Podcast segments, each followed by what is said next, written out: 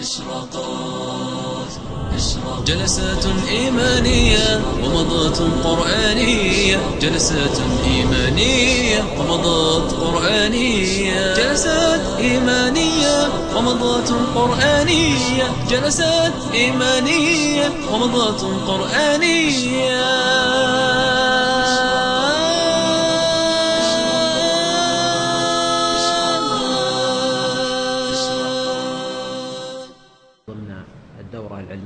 المكثفة في جامع الراجحي ببريدة. عندنا اليوم سورة الفجر. وسوف نقسم هذه السورة إن شاء الله إلى قسمين نأخذ الليلة نصفها وغدا إن شاء الله نأخذ النصف الثاني منها. وكذلك في الغد سنوزع إن شاء الله على الإخوة آه، سنوزع عليهم آه، إشراقات قرآنية. ها؟ لا غدا لأنه أخشى بعض الإخوة يعني حضورهم غد أوثق فسنحاول أن نوزع الإشراقات إذا استطعنا وكانت متوفرة وإن شاء الله هذا ممكن. سنوزعها عليكم في الغد. والسبت إن شاء الله أيضا نشوف لها يعني أيضا شيء آخر. هذا أخي يقول ما رأيكم أن تجمعوا غدا درس التفسير وشرح البلوغ في وقت العصر؟ لأن درس أول العصر قدم للضحى. لا. أعتقد حنا نواصل على طريقتنا. أساس ما يكون في اختلال في مع يعني شكرا لاقتراح الأخوة.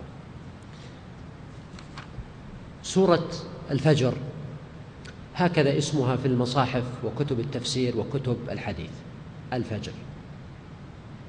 أما نزولها فقد نزلت بمكة.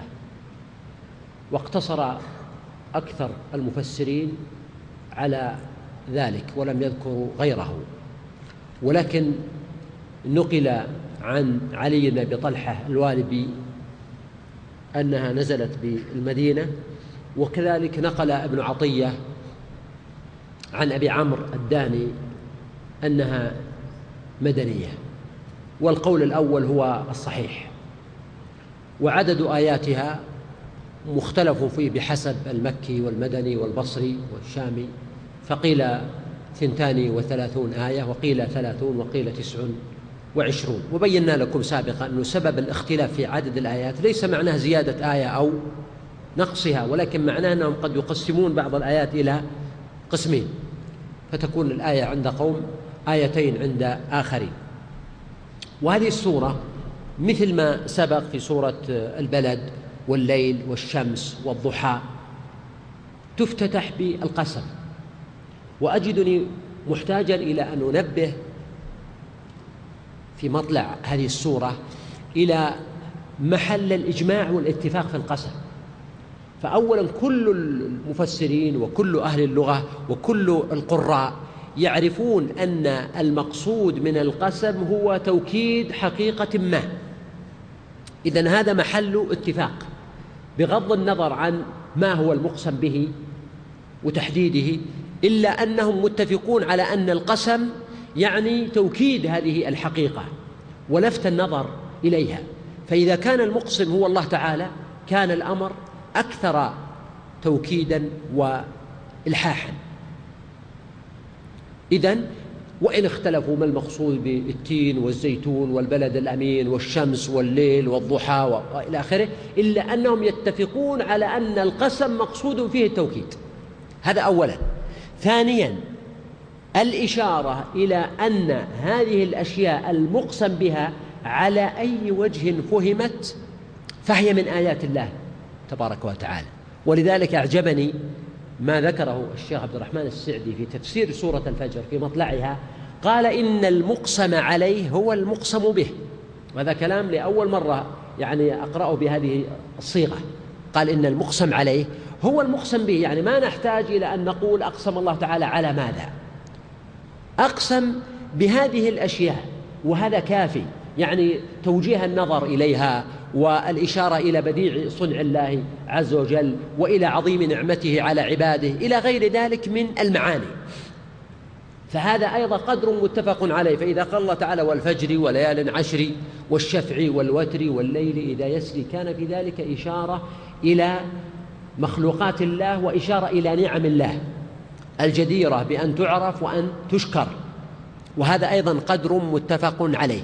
يبقى القسم الثالث وهو القدر المختلف فيه المتعلق بتحديد ماهية هذه الأشياء التي أقسم الله تعالى بها. وهذا أحيانا قد يشكل على كثير من الناس. فأنا حينما أهم مثلا بتفسير السورة وإن كنت قرأتها سابقا إلا أنني أجمع كل ما كتب مما وقعت عليه يدي في التفسير. وأستعرضه فأجد أن الإنسان في كثير من الأحيان يتحير بين أقوال متقابلة كلها صالحة وكلها صحيحة لكن لا يستطيع أن يحدد أيها اولى بالقبول والاعتبار في التفسير. فنقول الأمر هنا في سعة لأنه لا يتعلق في حكم شرعي ولا حلال ولا حرام ولا اعتقاد وإنما هو ألوان من اللطائف والمعاني والأسرار التي يتميز الناس بها بحسب قوة فهمهم ودقة إدراكهم وحدة أذهانهم وجودة قرائحهم. فهنا الله سبحانه وتعالى قال والفجر. أقسم بالفجر. وهو الصبح. الفجر الصادق حينما يبزغ النهار ويزيل ظلمة الليل. وهو وقت صلاة الفجر على ما هو معروف متفق عليه عند العلماء.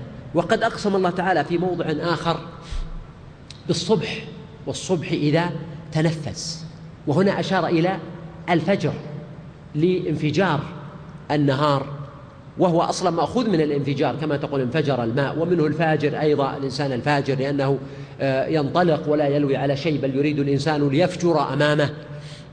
فأصل المادة اللغوية واحدة لكن المقصود هنا الفجر على الصحيح الذي هو الوقت المعروف وقت الصبح.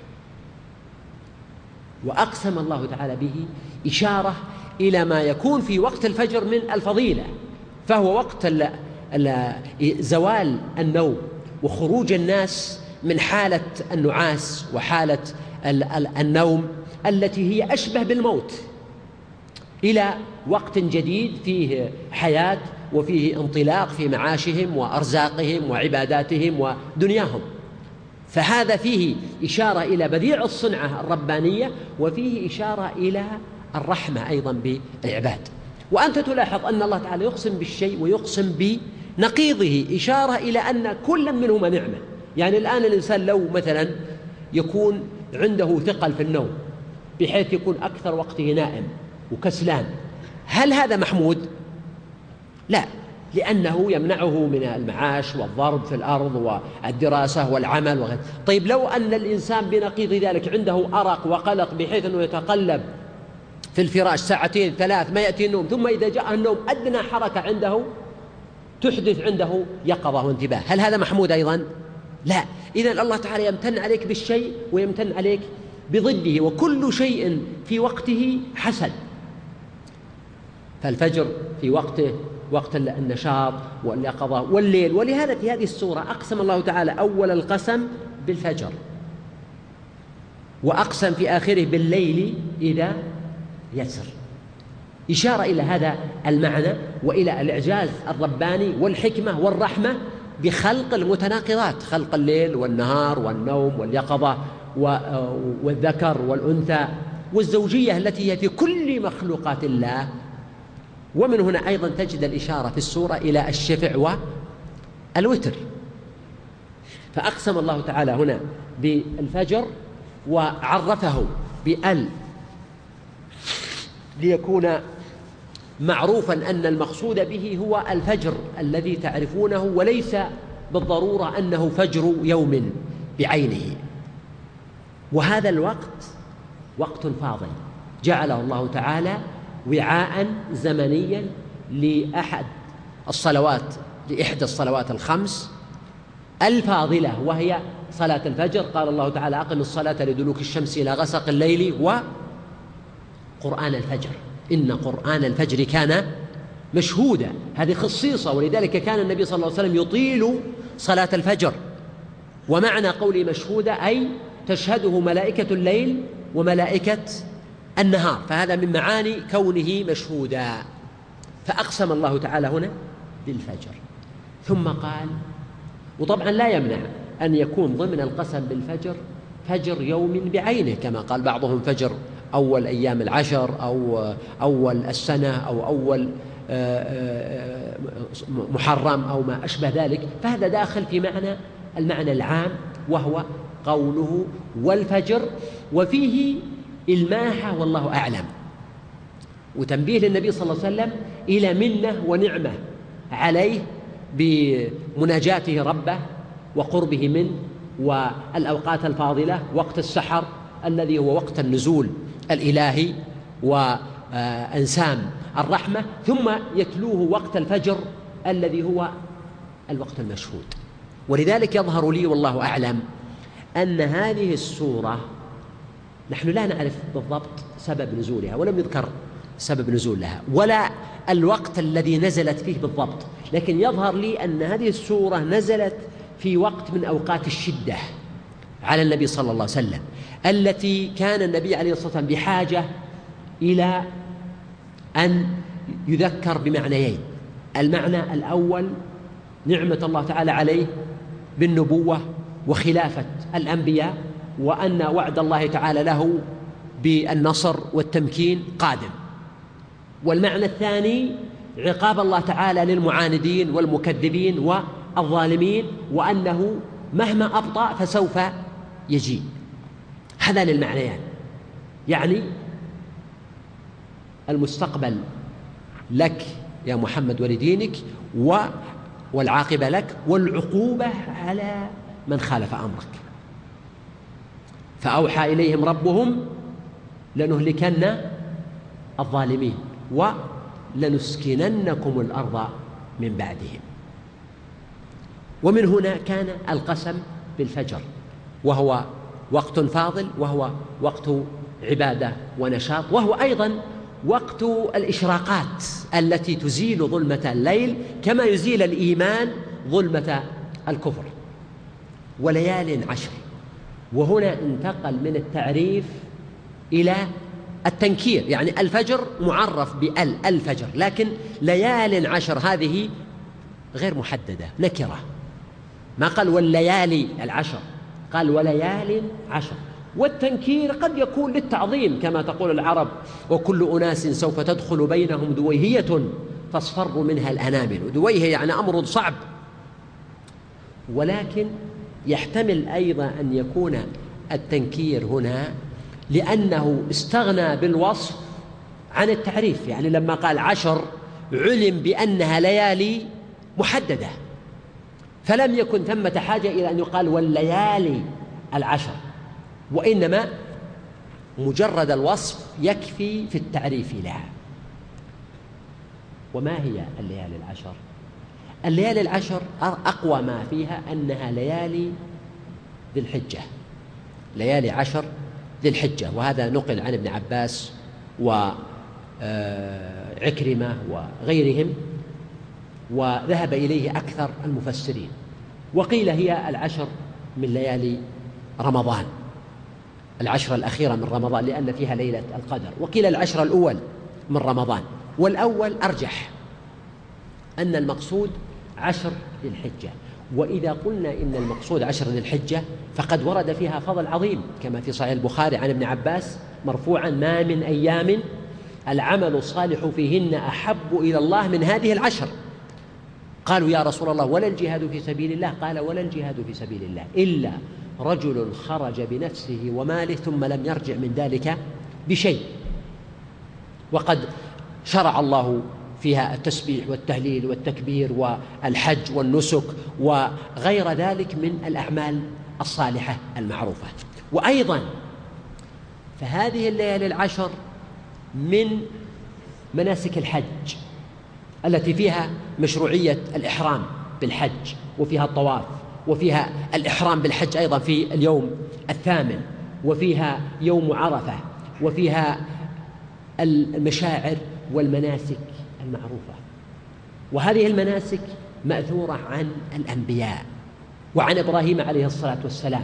إذا فيها توجيه للنبي صلى الله عليه وآله وسلم إلى حفظ الله تعالى له وإلى رعايته وإلى وراثته لما كان عليه الأنبياء من قبل.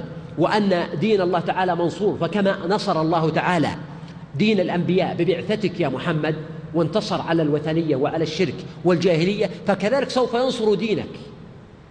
ويقيض له في كل زمان من يقوم به. وأيضا في تطيب لخاطر النبي صلى الله عليه وسلم أن الله شرع لك من أماكن إقامة العبادة والنسك والذكر والقرآن ما يقوى به قلبك. ولعل من معاني التنكير هنا وليال عشر الإشارة إلى أن لأن السورة كما قلنا مكية أن الناس كانوا في زمن الجاهلية قد تلاعبوا بالتاريخ. فكان عندهم ما يسمى بالنسيء وهو أنهم يجعلون شهر بدل شهر. يعني عندهم الأشهر المحرمة فإذا احتاجوا إلى انتهاك حرمة الشهر غيروه ووضعوا غيره بدله. فترتب على ذلك أن اختلطت الشهور ولم يكن وقت الحج في الجاهلية هو الوقت الحقيقي عند الله سبحانه وتعالى.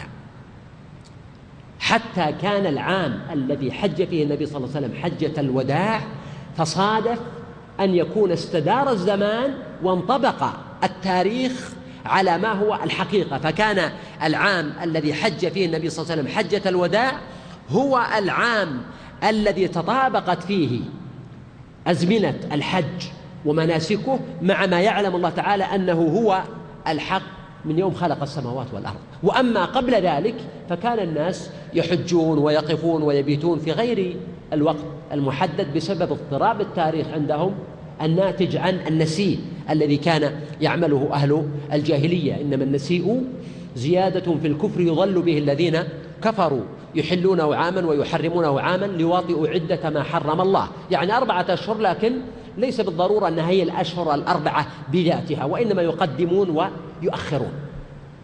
فلما كانت الليالي العشر زمن الجاهلية ثم زمن أول الإسلام قبل الهجرة حتى وقت نزول هذه السورة كانت الليالي العشر غير محددة. هي ليالي عشر لكن لم ينطبق الواقع عليها نكرها فقال وليال عشر يعني يأتيك بعد. من الله تعالى بيانها بالفعل يوم حج النبي صلى الله عليه وسلم وقال عليه السلام إن الزمان قد استدار كهيئته يوم خلق السماوات يوم خلق الله السماوات والأرض إلى آخر الخطبة المعروفة. ثم قال والشفع والوتر. والشفع معروف هو ضد الوتر والوتر هو المفرد يعني المفرد والمثنى أو المفرد والزوجي. هذا معنى الشفع والوتر. وأصلها الأعداد. يعني الشفع اثنين والوتر واحد. أو الشفع من كل شيء. حتى نقل في الشفع والوتر أكثر من عشرين قولا. كما ذكرها الرازي وابن الجوزي والقرطبي وغيرهم. وهي أقوال كثيرة جدا. منهم من قال أن الشفع هو المخلوق والوتر هو الله الخالق الله وتر يحب الوتر. ومنهم من قال أقوال كثيرة جدا. لكن الذين اختاروا منها أن يكون الشفع والوتر كل شفع ووتر مما هو متعلق بالسياق. حتى يكون القسم هنا له معنى خاص. فنقول مثلا من معاني الشفع والوتر ما دمنا نتكلم عن العبادات وعن المناسك وعن الليالي العشر من ذي الحجة أن يكون مثل من معاني الشفع يوم النحر لأنه هو اليوم العاشر فهو شفع. والوتر يوم عرفة لأنه هو اليوم التاسع فهذا معنى صحيح. وكذلك نقول من معاني الشفع اليومان بعد العيد. يعني بعد يوم العيد من تعجل في يومين فلا إثم عليه. فهذا هو الشفع. ومن تأخر إلى اليوم الثالث فأصبح وترا فلا إثم عليه لمن اتقى. وهكذا كل ما يصلح أن يكون شفعا أو وترا مما له تعلق بالمناسك وأيام العيد وفي ذلك عدة أقوال وغالبها يرجع إلى ما ذكرنا. وأما الوتر فهو بفتح الواو وكسرها. الوتر والوتر. وكلاهما قراءتان سبعيتان ولغتان فصيحتان صحيحتان كما ذكر ذلك الطبري. فالوتر هو آه، بفتح الواو قراءة الأكثرين ولغة آه، كثير من قبائل العرب. وبالكسر هو أيضا لغة بني تميم وهي قراءة ثابتة متواترة أيضا والمعنى واحد في الوتر. ثم قال سبحانه والليل إذا يسر. ويسر أصلا يسري ففي آخرها ياء لكن حذفت الياء للتخفيف ولرعاية فواصل السورة وبعضهم أثبتها والليل إذا يسري. والسرى أصله في الليل هو المشي في الليل. فلان يسري يعني يمضي في الليل. ولكن الله تعالى هنا عبر عن الليل بالسرى ولذلك جمهور المفسرين يقولون أن يسري هنا فعل الليل نفسه. الليل إذا يسري يعني إذا يقبل إذا يأتي لأن الإنسان إذا مشى أول الليل وين فلان؟ تقول سرى. فيكون مثل قوله تعالى والليل إذا عسعس على أحد التفسيرين ويكون الله تعالى أقسم بالليل بوجوه كثيرة. فمرة أقسم بالليل فقط ومرة أقسم بالليل إذا يغشى. ومثل هنا الليل إذا يسري. ومرة أقسم بالليل إذ أدبر إذا مضى يعني آخر الليل. وهكذا أقسم الله تعالى بالليل على صور وصيغ عديدة إشارة إلى تنوع الأحوال. فأول الليل عبرة وأوسطه عبرة وآخره عبرة. ولكل وقت من الليل ميزة ليست لغيره. فهنا الله تعالى أقسم بالليل إذا يسري. ولا مانع ضمن ذلك أيضا أو الله أقسم أول السورة بالفجر وأقسم آخرها بالليل إذا يسر ولا مانع هنا أن يكون من معاني الليل إذا يسر. ليلة خاصة مثل ليلة مزدلفة كما قال آه، بعضهم لأن هذه له علاقة بما ذكرنا أن السورة تتكلم عن المناسك وتنبه النبي صلى الله عليه وسلم إلى منة ونعمة الله تعالى عليه. ولهذا قال الله تعالى هل في ذلك قسم لذي, لذي حجر؟ طبعا هل هذا تقرير؟ وكأن كلمة هل معناها قد تقوم مقام قد يعني قد كان في ذلك قسم. هذا القسم الذي أقسم الله به فيه قسم لذي حجر يعني لذي عقل. فمن معاني العقل الحجر لأن الحجر هو الذي يحجر على صاحبه يمنع صاحبه. كما يقال مثلا أنه عقل أي يعقل صاحبه وكما يقال عن العقل أيضا أنه نهية النهى لآيات لأولي النهى لأنه ينهى صاحبه عما لا يجمل ولا يليق. إذا الخطاب في القرآن لذوي العقول لأصحاب العقول لذوي الألباب لذوي النهى. وهذا فيه تأكيد عظيم منذ البداية على أن القرآن وعلى أن الإسلام هو الدين الذي جاء يخاطب العقل البشري. حتى أن الله سبحانه وتعالى في القرآن أحالنا على العقل. لقوم يعقلون لقوم يتفكرون. وهذا فيه إشارة إلى أن العقل الصحيح لا يخطي لأنه لو كان يخطي ما جعله الله تعالى حجة وشاهد وأحالنا عليه. لا يحيلنا الله على شيء محتمل. وإنما الخطأ من أين يأتي؟ ها؟ من الهوى. الخطأ يأتي من الهوى. وهل العقل والهوى واحد؟ العقل والهوى هل هي واحد؟ قطعا لا. العقل نقيض الهوى. ولذلك سمي عقلا.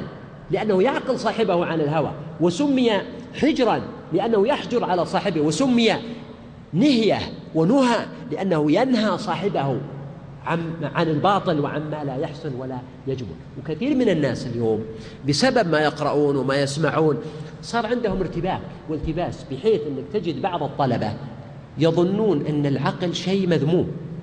حتى إننا أصبحنا نطلق أحيانا على بعض المدارس أن المدرسة العقلية أو العقلانية. فترتب على ذلك نوع من المعاندة بين العقل وبين الشرع. وهذا خطأ كبير لأننا نقول أن العقل الصحيح أساس وأصلا الإنسان غير العاقل. هل هو مكلف؟ لا. التكليف إنما هو على العاقل. النبي صلى الله عليه وسلم ورد أنه رفع القلم عن ثلاثة منهم المجنون حتى يفيق إذا أصل التكليف هو خطاب لماذا؟ للعقل. فالناس بحاجة. صحيح نحن لسنا ننكر أن هناك من غلا في العقل وأعطاه أكبر من قدره وأعتقد أن أوروبا لم تتقدم وتفلح في علمها إلا لما اكتشفت نقائص العقل العقل البشري. المبرمج عندها. لما اكتشفت نقائص العقل وإمكانية حصول اللبس وحصول الخلل بدأت آه، تعمل بالتجارب الحسية المادية وتلاحظ وتراقب حتى وصلت إلى ألوان من العلم. لكن هذا شيء وقضية إطاحة بعض الناس بكل ما دلت عليه العقول السليمة والفطر المستقيمة شيء آخر. فينبغي أن يكون هناك نوع من الاعتدال وأن ندرك الفرق بين العقل وبين الهوى. فهما نقيضان.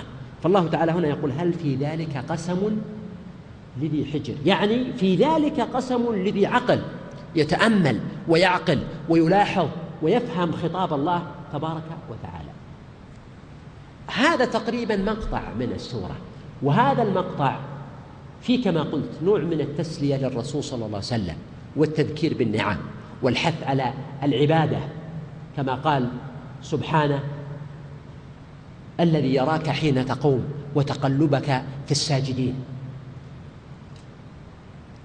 انتقل إلى سياق آخر وقال ألم تر كيف فعل ربك بعاد؟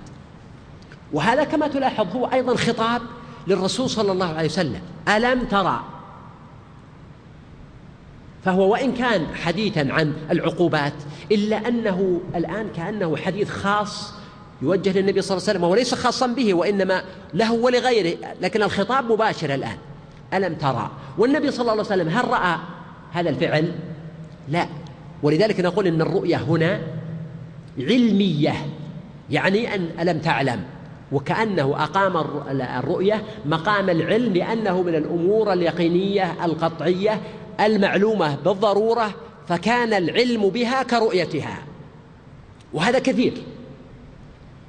وهناك احتمال أن تكون الرؤية هنا حسية. مثل ما ذكرناه سابقا في قوله ألم ترى كيف فعل ربك بأصحاب الفيل؟ نعم القصة مضت لكن بقي ماذا؟ آثارها.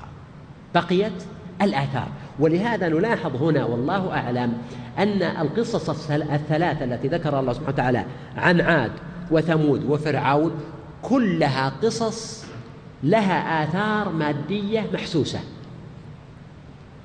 في الغالب. وهكذا قصة أصحاب الفيل.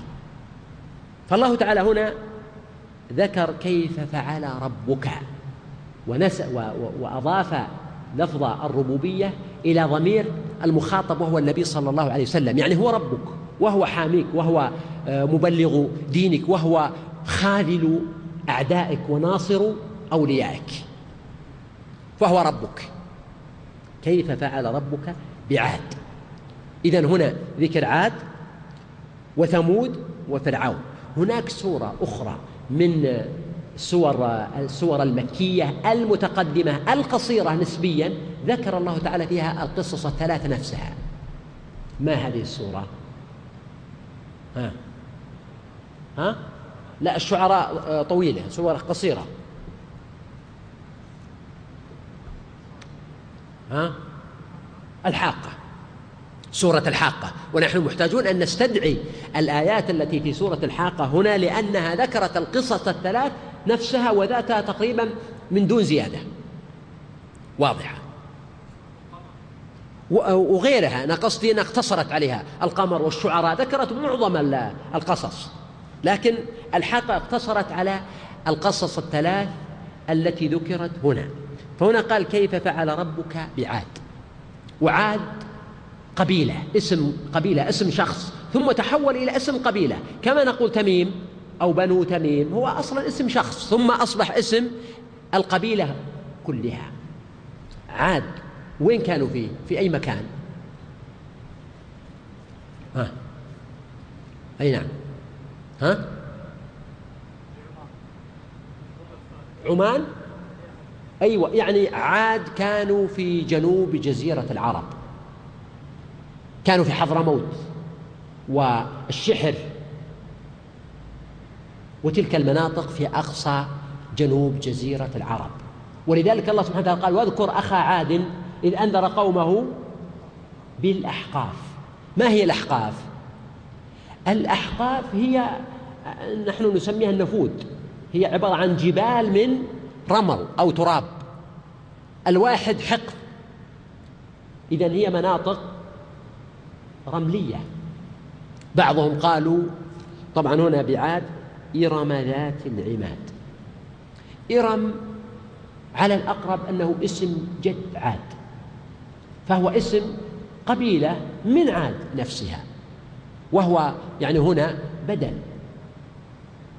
وهو المقصود بعاد الأولى وأنه أهلك عادا الأولى التي جاء الهلاك إشارة إلى أن هناك قبيلة أخرى من عاد وقد تكون من نفس المجموعة لكنها كانت موجودة في وسط الجزيرة العربية ممن لم يصبهم الهلاك وهم من يعني من من من من عاد لكن ليسوا هم عادا الأولى ولا إرم.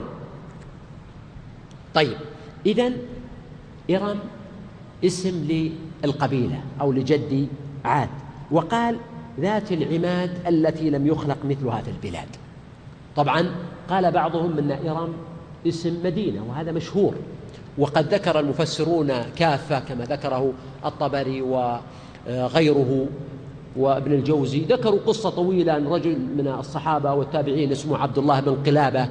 انه ضيع إبل وذهب في الصحراء وجد مدينة ودخل وذكر تهاويل وقصور وأبنية وأعمدة ومباني وذهب وفضة وأساطير وخرافات. وتكلم العلماء آه، المحققون عن هذا وأنه زيف وخيال كما قال ابن كثير وكما قاله ابن خلدون في مقدمته وغيرهم.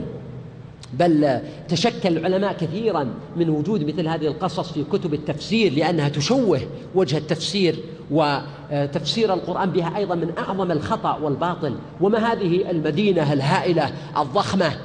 طبعا هم لو قالوا مدينة مطمورة تحت الأرض لكان هذا معقول جدا. بل أنا لا أستبعد هذا أن يكون من معاني قوله تعالى عاد إرم ذات العماد إشارة إلى مدينة. وقد يكون اسم المدينة باسم القبيلة إرم أو أروم أو نحو من هذا الاسم ولكن تكون مطمورة تحت الأرض قد يمكن من خلال الأحافير الوصول إلى بعض آثارها. لكن هم كانوا يتكلمون عن مدينة موجودة وأن هذا الرجل دخلها. فكما قال ابن كثير قال هذا هذا كذب.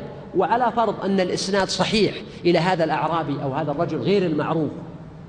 فيمكن أن يكون هذا الرجل كذابا أو يمكن أن يكون عنده هوس أو يمكن عنده آه، أو ما أشبه ذلك. وإلا فكيف يستطيع هو أن يدرك هذه المدينة ويدخلها ويشاهد؟ ثم لا أحد قط يذكر هذه المدينة مع أن المنطقة منطقة عامرة بالذاهبين والآيبين والناس الذين يترددون عليها. فكيف ظهر له ما خفي عن الناس كلهم أجمعين؟ هذا لا شك أنه من الكذب والسخف.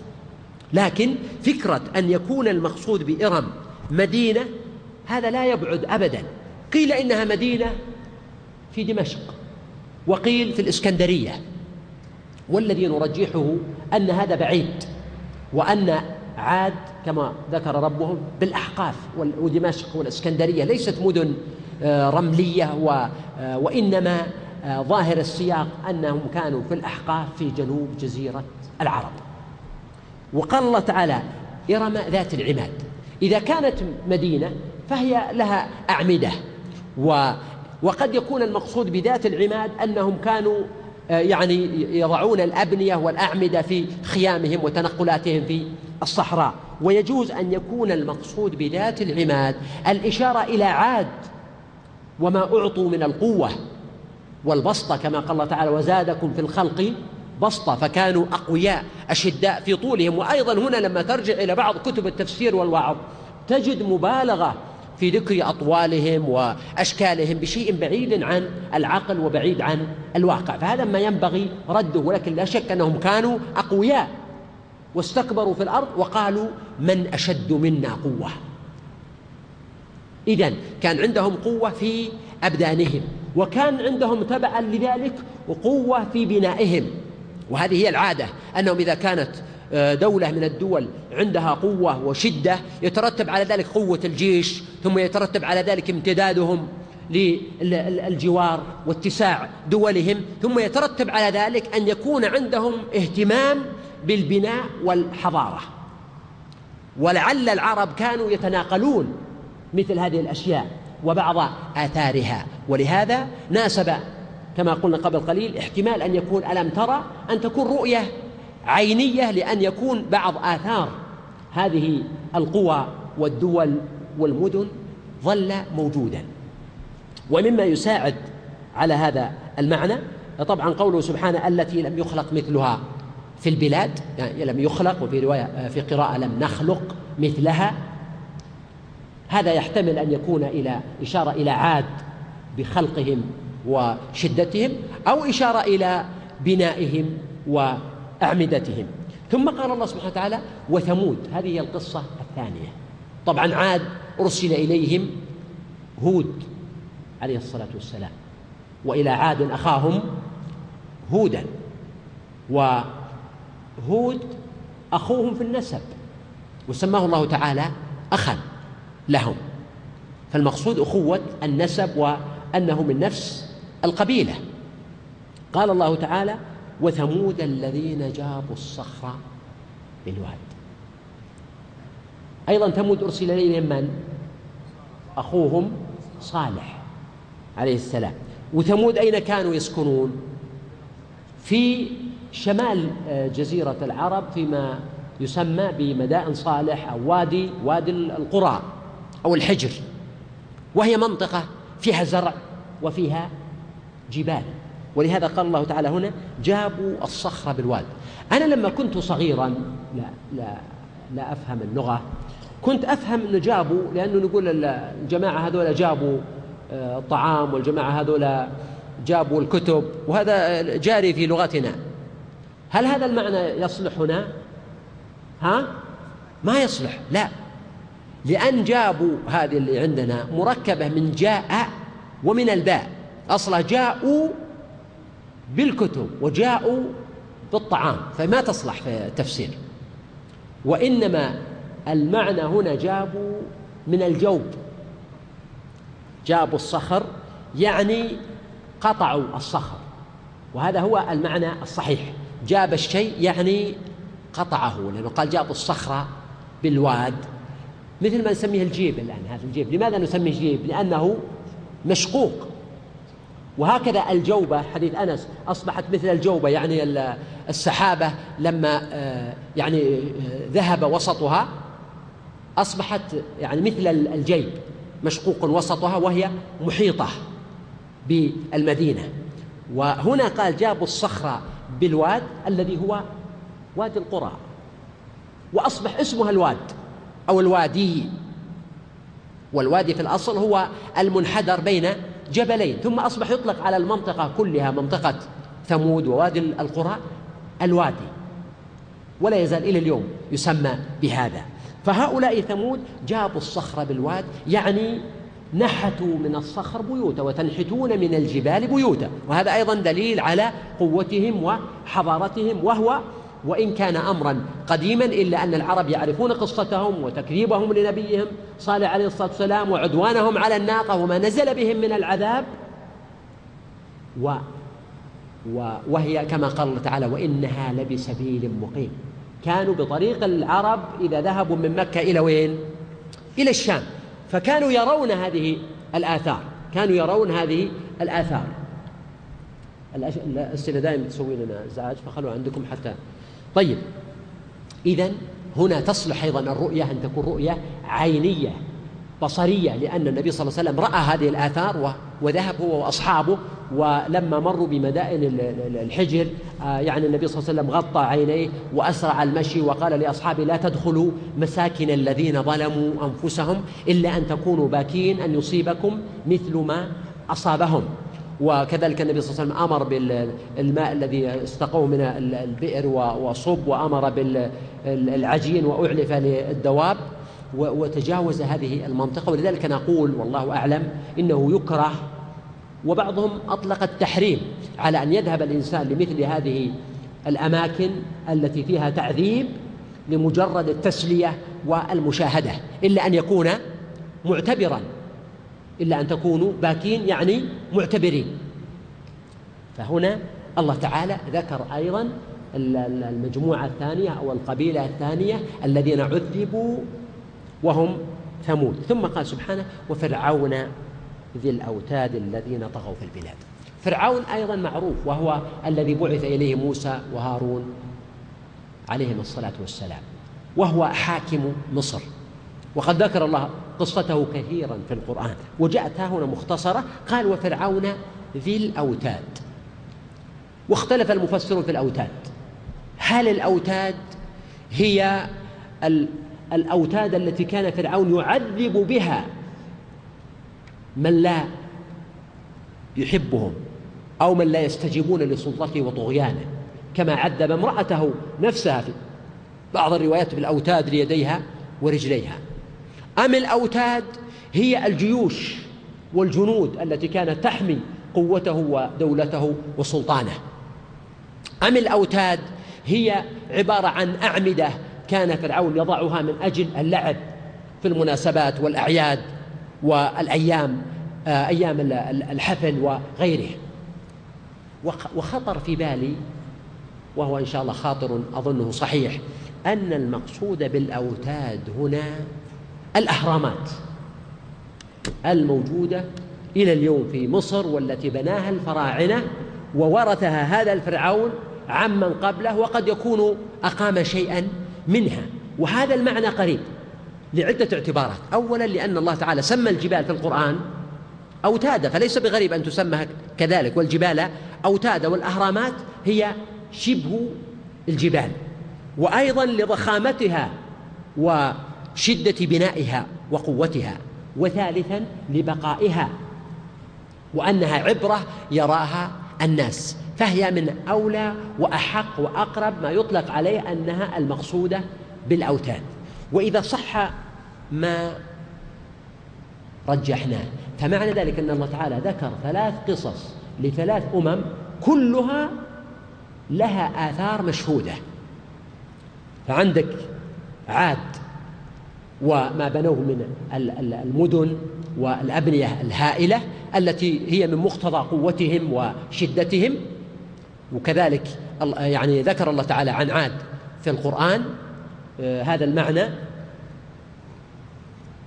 في قول أتبنون بكل ريع آية تعبثون. فهذا دليل على شدتهم في البناء كما ذكرته قبل قليل. وثمود أيضا كانوا يشققون الصخور ويبنون منها بيوتا لا زالت موجودة إلى اليوم. وفرعون مثل ذلك. إذا هنا تلاحظ يعني ضرب الله الأمثلة بثلاث أمم أو ثلاث حضارات كان لها قوة قوة في البناء وقوة في السلطان وقوة في الجيش وهذه أمور متلازمة وقوة في الاقتصاد. ثم انظر كيف فعل بهم ربك. لاحظ أن الله تعالى في هذا السياق على الأقل لم يكن توبيخ وعتاب لهم أنهم بنوا مثلا لأن البناء بذاته ليس هو المذموم ولا أنهم جابوا الصخر فقط ولا أنهم وضعوا الأوتاد يعني مجرد الفعل البشري ذاته لم يكن هو المذموم وإنما الذم اتجه إلى قوله الذين طغوا في البلاد. يعني ما وراء القوة البشرية والقوة المادية وإلا القوة قد تكون في يد مثل من؟ قد تكون في, في يد المؤمنين. ذكر الله تعالى مثلا آه، قصة ذي القرنين في القرآن الكريم وهو من الملوك الذين قيل إنهم ملكوا الأرض كلها أو جلها. فإذا المقصود هنا ليس يعني الإشارة إلى أنه ليست المشكلة في امتلاك القوة وامتلاك الجيوش وامتلاك الاقتصاد وامتلاك العلم والحضارة فهذا بحد ذاته يعني عنصر آه، محايد مطلوب يستخدم للخير ويستخدم للشر. وإنما المقصود والمذموم قوله الذين طغوا في البلاد. وفي ذلك إشارة إلى أن الحضارة والقوة إذا لم يصحبها الإيمان تحولت إلى ماذا؟ إلى طغيان في البلاد. مهما كانت الأسماء يعني أمريكا الآن تطغى في البلاد لأنها مثل هؤلاء. لكن الطغيان هم لا يسمونه طغيان.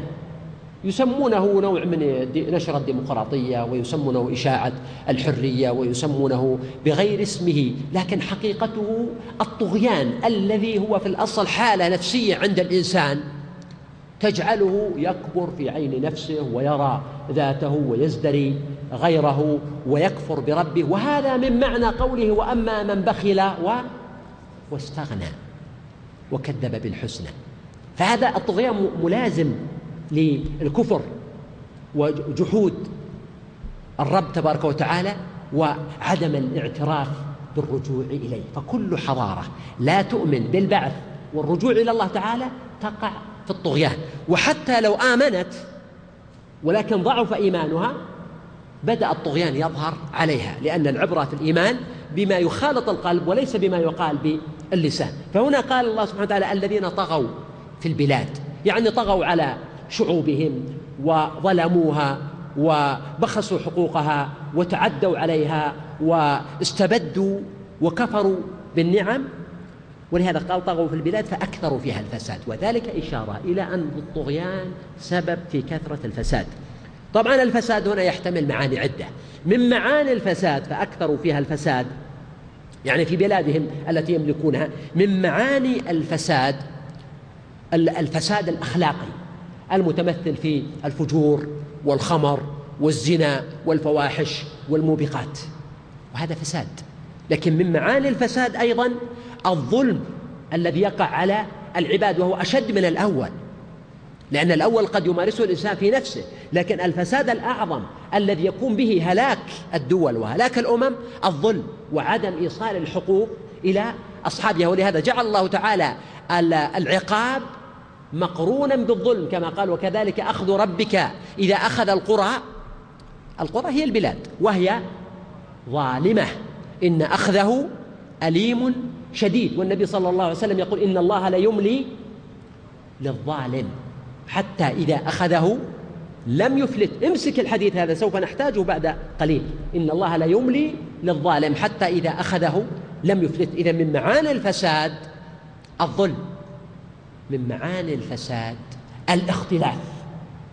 لأن هذه الأمم والبلاد لما تكون أمة واحدة على منهج واحد وطريق واحد تكون قوية. فإذا اختلفت وتنازعت وصارت أهواء شتى ضعفت قوتها وهزمها عدوها وخذلت. وهذا لا يكون إلا بسبب الفساد الأول لأن إذا وجد الظلم وجد البغي ووجد الحقد ووجد التربص بحيث أنهم ينتظرون من هؤلاء متى يضعف شأنهم وتقل شوكتهم ويتسلط عليهم عدوهم حتى يتخلوا عنهم. فإنه لا يوحد البلاد ولا يوحد الأمم مثل العدل الذي يجعل كل فرد في الأمة يشعر بأن بقاء الأمة والدولة بقاء له. وبالتالي يستميت في هذا السبيل لأنه يستميت في الدفاع عن دينه يستميت في الدفاع عن مصلحته يستميت في الدفاع عن حاضره يستميت في الدفاع عن مستقبله. أما إذا صار الناس أهواء شتى وعقول مختلفة ومشارب متفاوتة وبدأت بينهم التنازعات والاختلافات فهذا مؤذن بما ذكر الله تعالى فأكثروا فيها الفساد. قال فصب عليهم ربك صوت عذاب. لاحظ الصب. الصب غالبا يستخدم لإيش؟ للماء والسوائل. صب. وهذا والله أعلم ولا شك مقصود لأن الصب هنا كأن الإشارة إلى أنه جاءهم شيء سريع. ما يستطيع أحد ما يمضي أحد أنه ينجو منه ولا يخلص منه. صب عاجل. وهذا ملاحظ. مثلا بالنسبة لعاد ماذا كانت عقوبتهم؟ الصيحة. طيب. عاد كانت عقوبتهم الريح. عاد كانت عقوبتهم الريح. طيب. وثمود الصيحة وفرعون الغرق. فهذه كانت أشياء مفاجئة وفي لحظة واحدة تصب عليهم فتهلكهم. ثم قال هنا صب عليهم ربك ربك الذي تعبده والذي تدعو إليه والذي تجاهد في سبيله هو الذي عذب هؤلاء. فهو إذن حاميك وناصرك. وهنا أيضا قال صوت صوت عذاب صوت ماذا يفهم منها؟ أنه شيء قليل قليل مما عند الله. ولهذا قال الحسن البصري قال كم عند الله من سياط العذاب وإنما صب الله عليهم منها صوتا واحدا. صوت عذاب وأيضا جاء منكر نكرة صوت عذاب. فهذا إشارة إلى أنه قليل مما عند الله ومع ذلك فهو بالنسبة لهم ساحق ماحق وختم بقوله إن ربك لبالمرصاد. هنا تذكر الحديث الذي ذكره قبل قليل إن الله ليملي للظالم. المرصاد ما هو؟ المرصاد من الرصد. يعني إذا كان الناس مثلا في هذا الساحة يلعبون ويركضون ولكن في النهاية إذا أرادوا الخروج منها لهم طريق واحد. فإذا كان هذا الطريق عليه رصد جنود أو حراس. يعني العبوا في هذا المكان ما شئتم. لكن في النهاية إذا آه، طابت خواطركم من اللعب وأردتم الانصراف منه طريقكم على وين؟ على هؤلاء الجنود الذين يرصدونكم. ما لكم مخرج آخر ولا طريق ثاني. فهنا لما يقول إن ربك لبالمرصاد كأنه يقول الله سبحانه وتعالى بالمرصاد لهؤلاء. دعهم يعبثوا كما يعبث الأطفال لفترة معينة. طال الزمن بهم أم قصر؟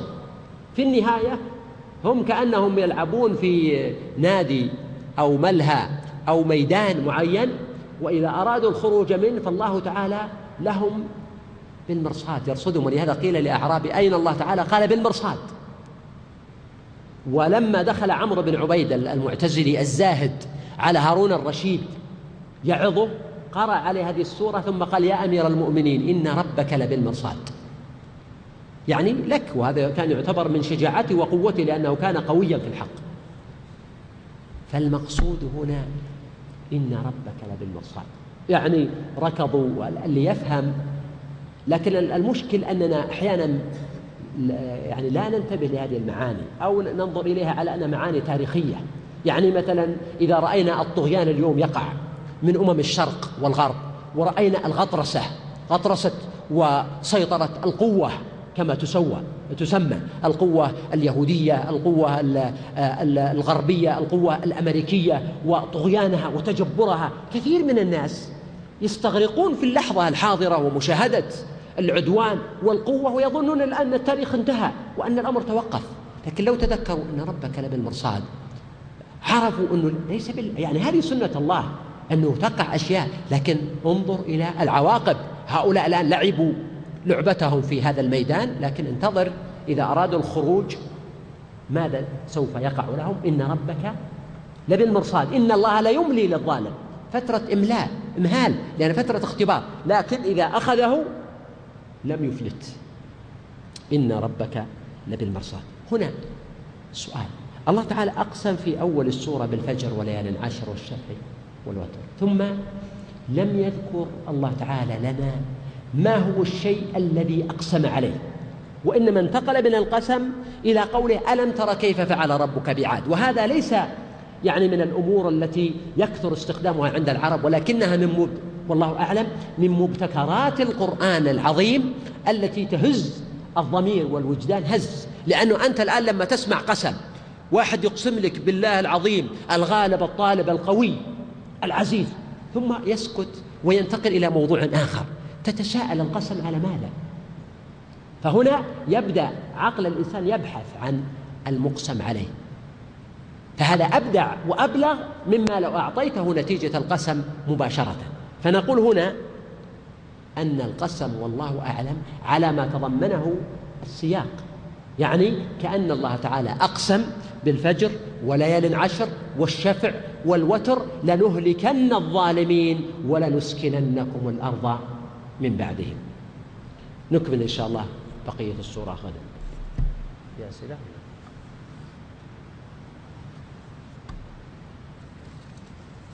هذه ورا ما فتحت الله يرضى عليك عشان توفر علينا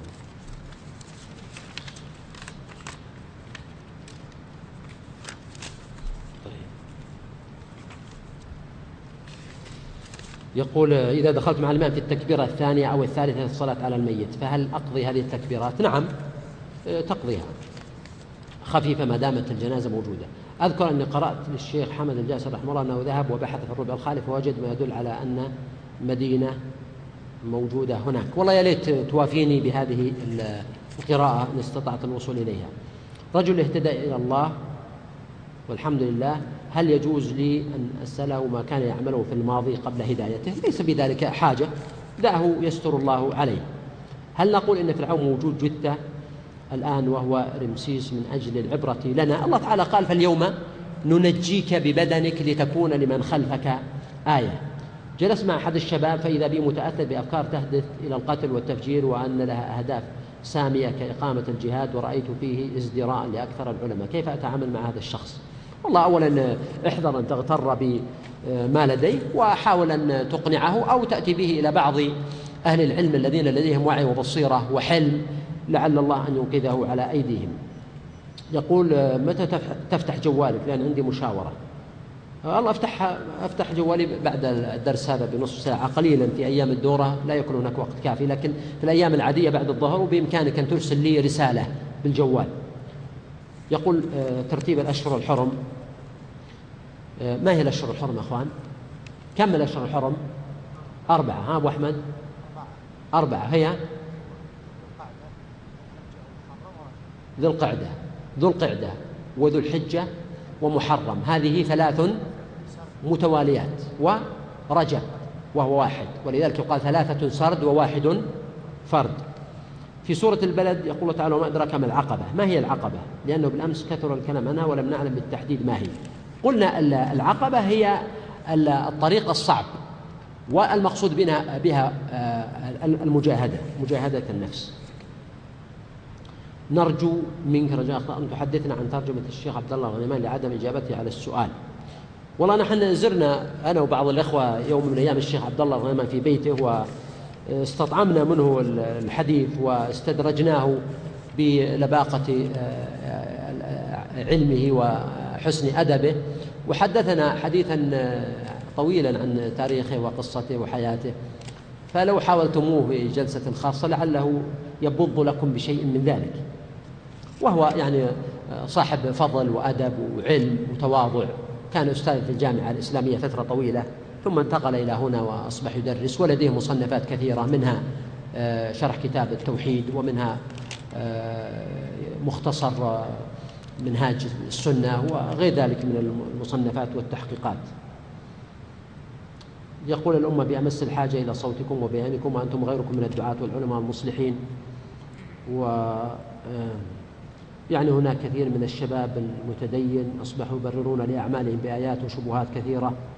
إلى غير ذلك. والله يعني يقول تأخير البيان عن وقت الحاجة لا يجوز كما يقول أهل الأصول. والله نحن قدمنا البيان قبل وقت الحاجة. وأقول بكل وضوح قبل أن يكون الناس يدركون ما سوف يقع. كتبنا وتكلمنا وأسررنا وأعلنا ويعرف ذلك الكثيرون. ولا زلنا ويجب أن يبذل الجميع جهدهم. هل يجوز أن نقول إن المقصود بالفجر هو فجر الإسلام وبزوغه وأشراقه؟ هذا بعيد. إلا أنه يفهم يعني ضمنا كما أشرنا. ذكرتم العقبة التي ضع... القصة التي ضعفها المفسرون كابن كثير وغيره وهي قصة الصحابي الذي تاه وصار أمره كذا وكذا. ثم قلتم أن هذا الرجل لا يعرف قد يكون كذابا. كيف يكون ذلك للصحابي؟ لا هو طبعا هو ليس معروف أنه من الصحابة. هو يقال عبد الله بن قلابة أو قلابة ولو ثبت أنه صحابي لم يكن كذابا لكن لا يعرف. وقد تكون القصة كما ذكر ابن كثير موضوعة عليه من الرواة أو لو ثبت أن رجلا اسمه عبد الله قالها يكون الرجل هذا يعني توهم هذا الشيء. إذا حضرت المرأة بعد وصولها إلى مكة قبل أن تأخذ عمرتها فمن أي مكان تحرم؟ تحرم من الميقات ولو كانت حائضا. هذه أسئلة الإنترنت حامل المسك وموقع الإسلام اليوم. الأخت سائلة ما حكم سؤال الله بقول أقسمت عليك يا الله أن تبرني النبي صلى الله عليه وسلم ذكر من لو أقسم على الله لأبره. وهذا دليل على أنه يجوز. لكن نقول هذا ليس أمرا فاضلا ولا يشرع إلا عندما يكون الإنسان في حالة اضطرار مثل إذا بلغ بالإنسان شدة الحاجة والافتقار والضرورة والصعوبة ثم سأل الله تعالى وأقسم على الله تعالى بذلك جاز. هل ممكن أن تعطينا رقم هاتفك؟ نعم. رقم هاتفي صفر خمسة أربعة مئتين وخمسين مئتين صفر خمسة صفر أربعة عشان ما يزعلون الاتصالات. مئتين وخمسين مئتين وخمسين. والإخوة الذين يكون عندهم ضرورة آه، يكتبون لي رسالة بالجوال إذا لم أرد عليهم. يقول آه، نصب رجلين مع جعل الأصابع إلى القبلة بين السجدتين وهو الجلوس هل هو سنة أو مباح أو حرام؟ السنة في الجلوس بين السجدتين هو الافتراش. أن يقعد على الرجل اليسرى وينصب اليمنى. هذا السنة. يقول آه، إذاعة البي بي سي وهيئة الإذاعة البريطانية تستقطب العلمانيين وتحاورهم ألا يكون لكم دور ومشاركة فيها لأنه يسمعها الملايين. والله إذا اتصلوا آه، أرد عليهم. قبل يومين عملوا معي اتصال وأجبتهم. سبب ترجيح أن الأوتاد هي الأهرامات. طبعا الأوتاد آه، يعني تحتمل معاني عدة كما ذكرنا وأولى في نظري ما ينطبق عليه هذا الوصف هي الأهرامات. ما حكم الذهاب إلى ديار ثمود للعظة والفرجة؟ أما للفرجة فقد ذكرنا أنه مكروه أو محرم. أما للاعتبار فالنبي صلى الله عليه وسلم قال لا تدخلوا مساكن الذين ظلموا أنفسهم إلا أن تكونوا باكين. قوم نوح أين يقطنون؟ الله أعلم. سبحانك اللهم وبحمدك نشهد أن لا إله إلا أنت استغفرك